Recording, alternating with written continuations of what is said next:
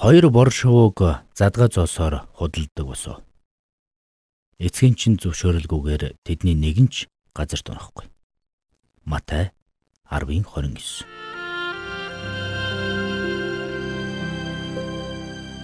Мэргэний сонсог, мэдлэгийн тэлэг.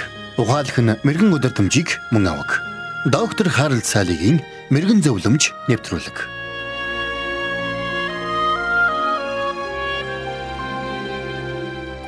Энэ дэлхий дээр 9000 гаруй төрөл зүйлийн шууд байдаг гэж үздэг.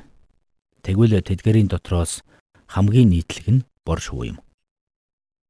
Нийтлэг гэдэг нь энэ жижигхэн шувуу дэлхийн өнцөг булан бүрт амьдардаг гэсэн утгатай.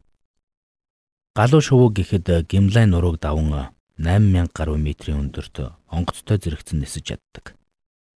Харин бор шувуу тийм өндөрт нисэж чаддаггүй.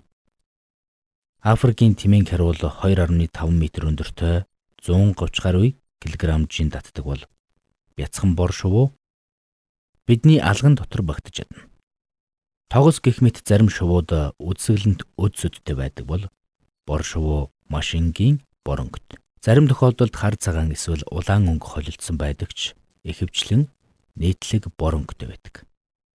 Зарим судлаачид шувуудын дундаас хэрээг хамгийн ухаалаг гэж үздэг бол бор шувуу хизээч ухаантай шувуунд тооцогдож байгаагүй. Алтан гургалтай хөөндөй зэрэг шувуунууд уянгалаг сайхан дуутай байдаг бол бор шувуудын жиргэн эгэл жирийн сонсогддог.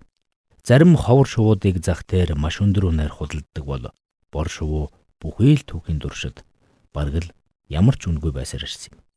Үннийг хэлэхэд бор шуудыг шуудын ертөнцид хамгийн ач холбогдол багтаа шуу гэж хэлж болно. Гэсэн ч Библиэд бор шуудын талаар маш гайхалтай зүйлийг бичсэн байдаг. Хүмүүс бид Бурхны хувьд ямар үн цэнтэй болохыг ойлгуулахын тулд эзэн Есүс бор шуугаар жишээ татан ийхүү өгүүлсэн байдаг. Тэрээр хоёр бор шувууг задгай зоосоор худалддаг босоо. Эцгийн чин зөвшөөрөлгүйгээр тэдний нэг нь ч газар тунохгүй та нарын толгой дээрх ширхэг өсчин хүртэл тоологдсон. Тиймээс бүвэ. Та нар олон бор шуунаас ч эрхэм үнэтэй гэж бичсэн юм.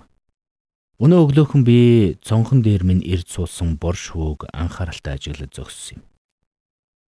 Тэр үед би саяын танд уншиж өгсөн ишлэлийг сонссон. Бид олон талаараа бор шуутай адилхан ажээ. Бид тэр бүр бүргэд мэт өндөрт илэн хальж нисэж чаддаггүй. Эверестийн оргил мэт амжилтын оргилд гараад байдаггүй. Харин ч ихэнх амьдралаа газартай их ойрхон өнгөрүүлдэг. Бидний ихэнх нь цалингаас цалингийн хорон төлбөрөөс төлбөрийн хооронд амьдардаг. Бид нэг ажлаас нөгөө ажил руу өсчиж амьдралд хөлөө олох гэж чадлаараа зүтгэсээр насыг бардаг. Бурхан эцгийн хувьд бид ямар чухал үнд сэнтэй болохыг бидэнд ойлгуулахын тулд жишээ авахдаа хүчрэхэг бүргэд эсвэл үдсгэлэнтэй тогос бус харин эгэл жирийн бор шууг сонгосон нь юутай гайхалтай хэрэг байна. Заримдаа бид бурхан бидний амьдралыг хэрхэн харж байгаа бол гэдэгт маш их анхаарал хандуулдаг. Бурхан үнэхээр бидэнд санаа тавьдаг гэж юу? Дэлхий дээр амьдарч байгаа олон тэрбум хүмүүсийг бурхан үнэхээр нэг бүрчлэн мэддэг гэж юу? Хэрвээ та ийхүү эргэлзэж байгаа бол танд дуулгах нэгэн сайхан мэдээ байна. Бурхан таныг мэддэг. Тэр бидэнд санаа тавьдаг. Үүнд эргэлзэх хэрэггүй. Би танд шинэ гэрээний Матай номын 6 дугаар бүлэгт бичигдсэн нэгэн чухал үгийг уншиж өгмөр байна. Энд Тэнгэрийн шувуудыг хараач. Тэд тариа тарж, хурааж, сарвчанд хадгалдаггүйч. Тэнгэрлэг эцэгч нь тэднийг тижээдэг юм. Та нар тэднээс үлэм жилүү үнцэнтэй биш үү? Та нараас хэн ч санаа зовснороо нас бие ганц мөрөөр нэмж чадахгүй хэмээн эзэн Есүс сургасан байдаг. Тиймээс та дараагийн удаа бяцхан бор шувуу нисэж явааг харахтаа тэр эгэлжирийн шувууч Бурхан эцгийн чинь мэлмид үн цэнтэй гэдгийг өөртөө сануулаарай. Мөн та тэр шувуунаас хавьгүй илүү үн цэнтэй гэдгийг ч бас санаарай. Библийн энэ л үннээс та урам зориг, итгэл найдварыг аваарай.